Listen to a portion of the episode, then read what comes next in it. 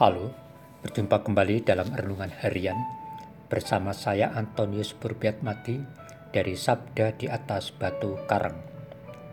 Saudara-saudari yang terkasih, hari ini Kamis tanggal 21 Juli adalah hari biasa pekan ke-16.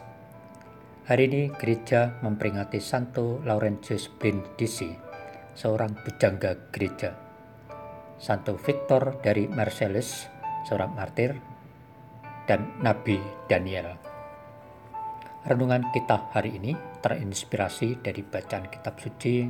Bacaan pertama diambil dari kitab Yeremia pasal 2 ayat 1 sampai dengan 3, dilanjutkan ayat 7 sampai dengan 8, kemudian ayat 12 sampai dengan 13. Dan bacaan Injil suci dari Injil Matius pasal 13 ayat 10 sampai dengan 17. Mari kita siapkan hati kita untuk mendengarkan sabda Tuhan yang akan dibacakan oleh saudari Monica Rosa dari Paroki Kristus Raja Katedral Keuskupan Tanjung Karang.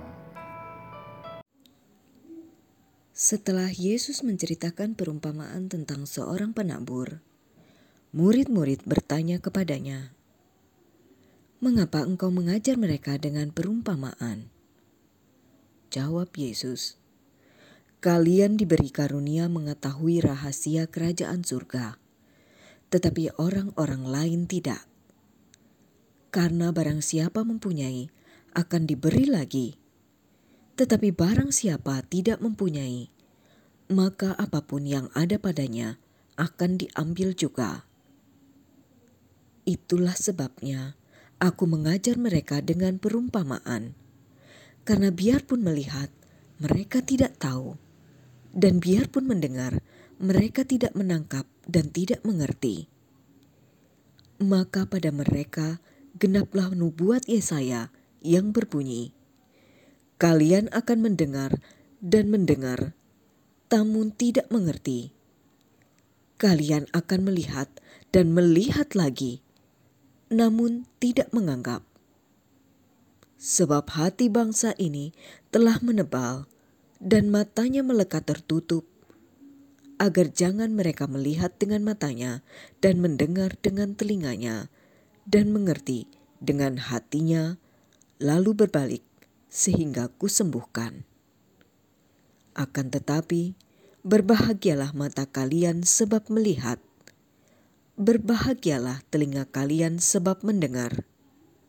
Sebab aku berkata kepadamu, sesungguhnya banyak nabi dan orang benar ingin melihat apa yang kalian lihat, tetapi tidak melihatnya, dan ingin mendengar apa yang kalian dengar, tetapi tidak mendengarnya. Demikianlah sabda Tuhan. Terpujilah Kristus. Saudara-saudari yang terkasih, ketika kita belajar di bangku sekolah, sering mengalami ketidakmengertian akan apa yang kita pelajari. Meskipun kita mendengar penjelasan atau melihat tulisan di papan tulis pun, masih juga belum bisa kita pahami.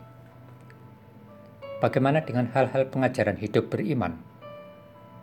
Apakah kita mengalami kesulitan dalam memahami dan mengimani sabda Tuhan yang disampaikan dalam kitab suci?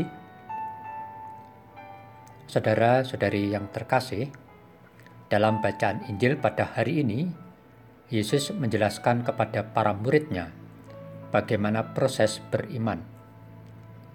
Dikatakannya bahwa beriman itu mirip proses belajar.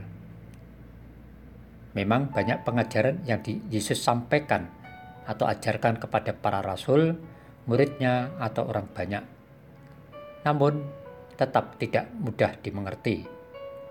Sekalipun oleh para cerdik pandai, termasuk para ahli Taurat, imam-imam kepala, atau orang-orang Farisi. Oleh karena itu, ketika Yesus mengajar dengan suatu perumpamaan, para muridnya justru heran dan karena itu mereka bertanya, mengapa engkau berkata-kata kepada mereka dalam perumpamaan? Saudara-saudari yang terkasih, itulah cara Yesus mengajar tentang kerajaan Allah ke berbagai kalangan. Dan umumnya, kalangan cerdik pandai sulit menerimanya. Mereka tetap belum mampu menerima pengajaran Yesus karena meskipun mereka mempunyai mata, mereka tidak tahu bagaimana menggunakannya.